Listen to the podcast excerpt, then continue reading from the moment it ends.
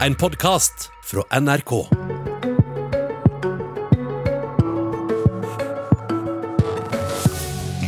Etter eh, fire år med Donald Trump er konklusjonen klar. Båndene mellom Norge og USA er tettere enn de har vært på mange år. I will build a great wall, and I will have Mexico pay for that wall. Nobody would be tougher on ISIS than Donald Trump. I would bring back waterboarding, and I'd bring back a hell of a lot worse than waterboarding. Ja, Nordmenn protesterer kanskje for all verden. Sånn ellers er vi med på ferden.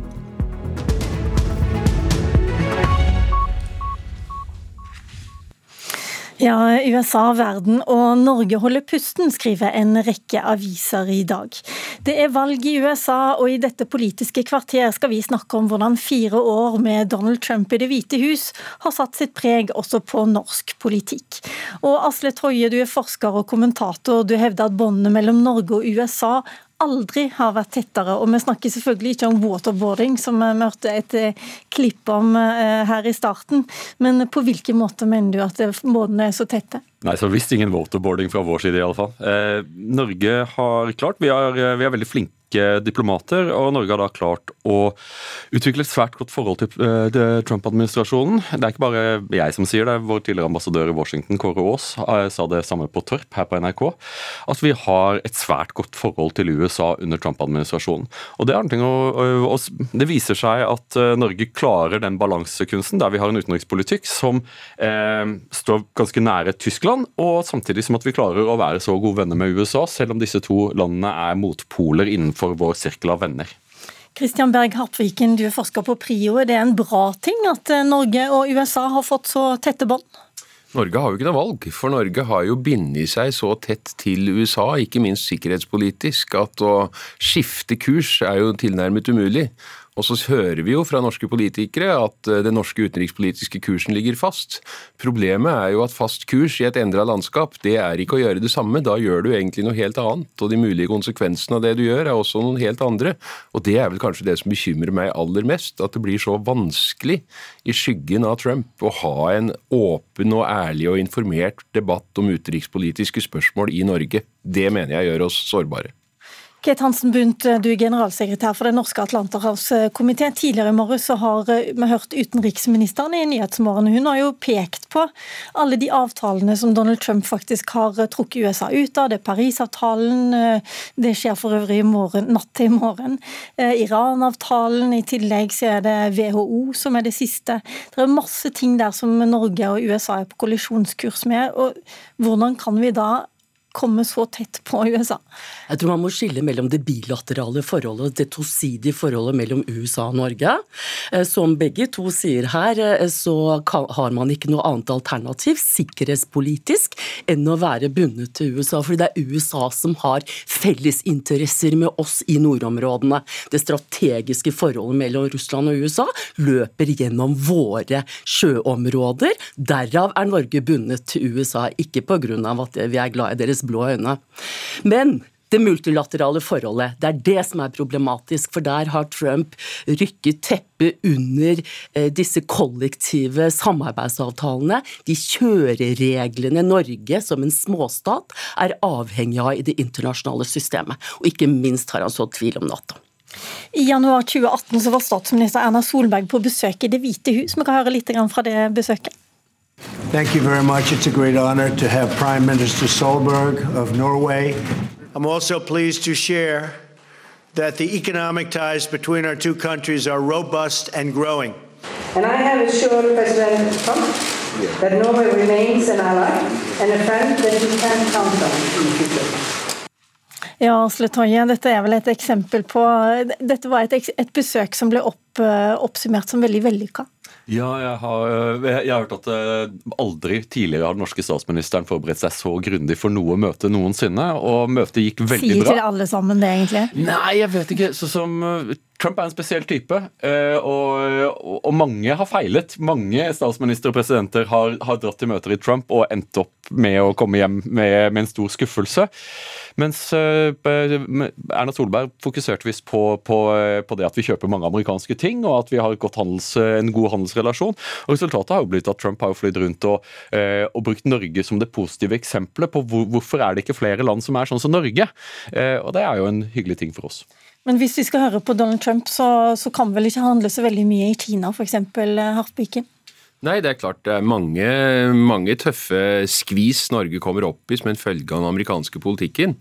Og så er jo, Én ting er jo Donald Trump som person, men det vi ikke skal miste øynene for her, er at mye av den politikken som har vært eh, ført under Donald Trumps eh, presidentskap, det jo, representerer jo lange utviklingstrekk i det amerikanske samfunnet. Så det er ikke sånn at hokus pokus, Trump er borte i morgen, så er alle disse utfordringene borte for Norge. Veldig mange av disse utfordringene er eh, grunnleggende. USA vender seg i mye større grad nettopp mot Kina og mot eh, Stillehavet. Eh, det har vært en viss opptrapping i Europa, men hvor varig den er, det kan vi lure på.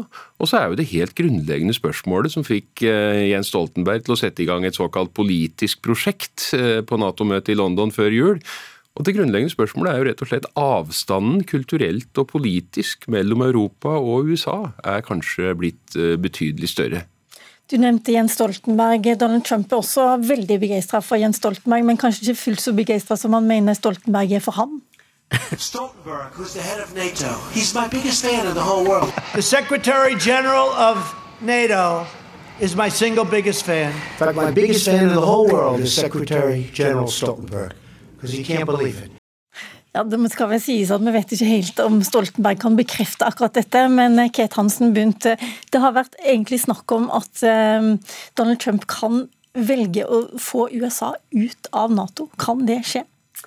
Jeg vil velge å kalle Stoltenberg en meget god diplomat i denne sammenheng, og jeg tror det har også vært med å avverge den oppfatningen Trump hadde av Nato når han tiltrådte.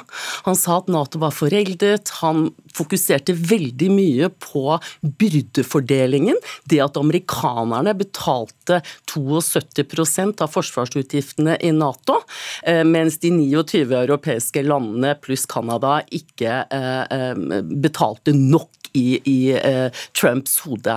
Så har Stoltenberg og Nato-landene klart å snu dette, så de har faktisk lagt eh, 130 milliarder dollar på bordet eh, i denne perioden. Og det har Stoltenberg klokt nok kreditert Trump for.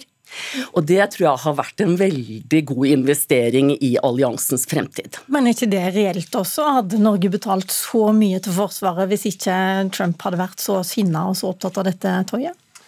Nå har norsk eh, forsvarsbudsjett steget eh, som andel av, eh, BNP pga. at BNP har blitt så mye mindre. Eh, og men i mange land så har det forekommet en, opp, eh, en, oppjustering av forsvarsbudsjetter, og det har veldig mye med Trump å gjøre. og Der er det nok en uro.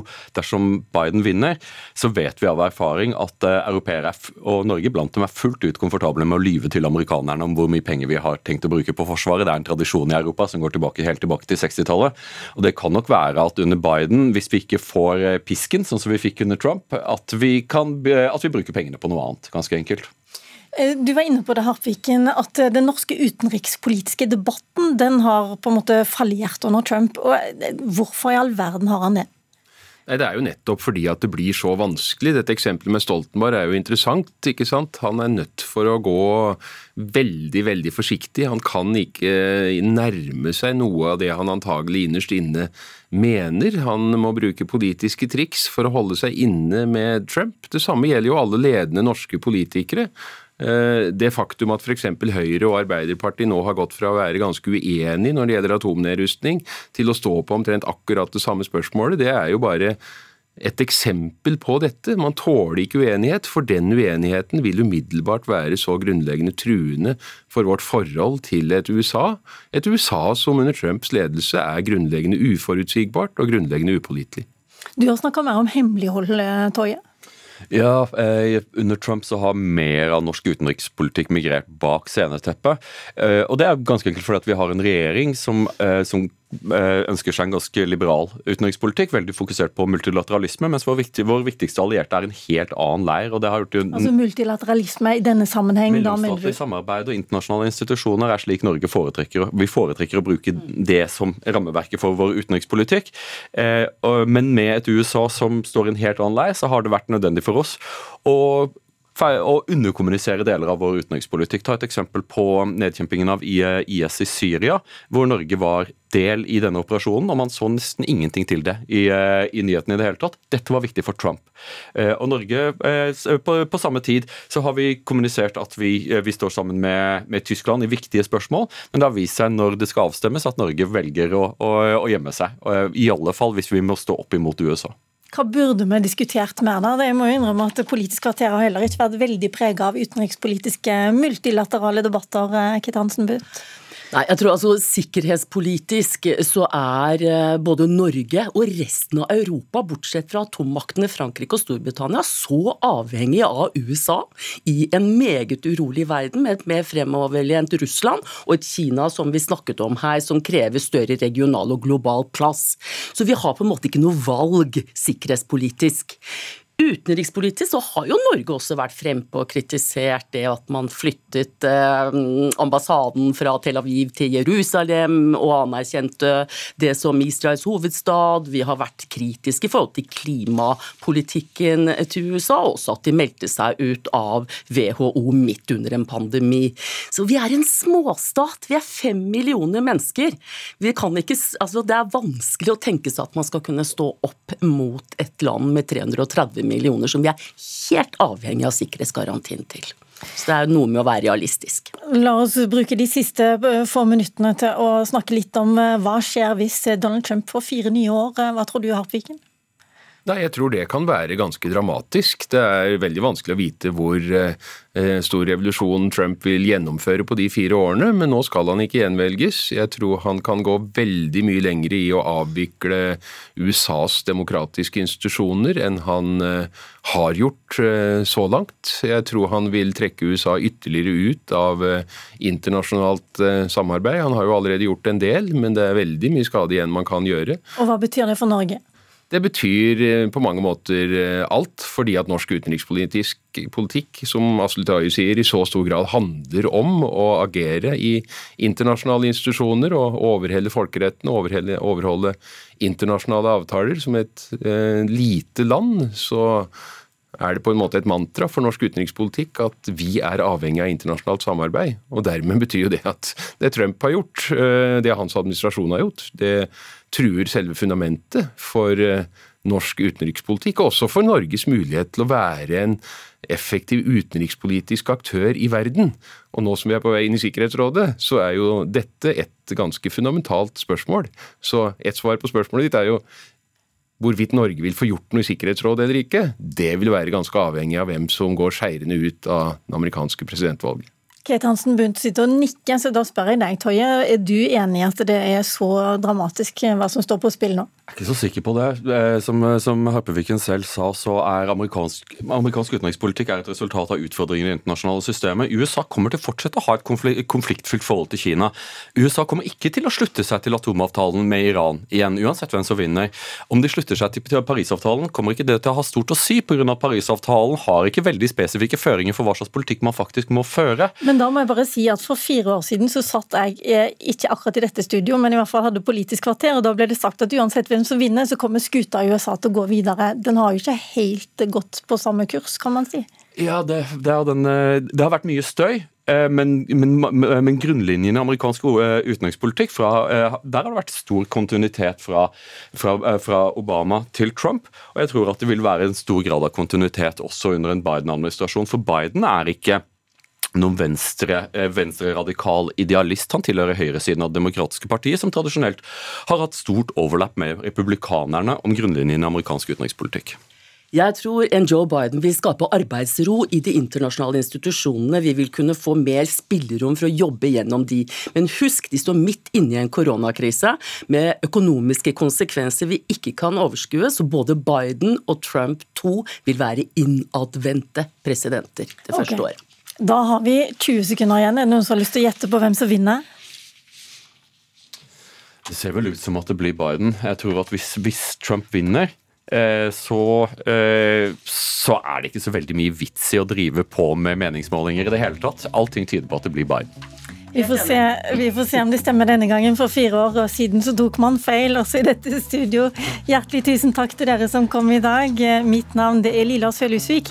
I morgen tidlig er Astrid Randen klar med et panel av toppolitikere som forhåpentligvis skal kommentere resultatene i morgen tidlig. Du har hørt en podkast fra NRK.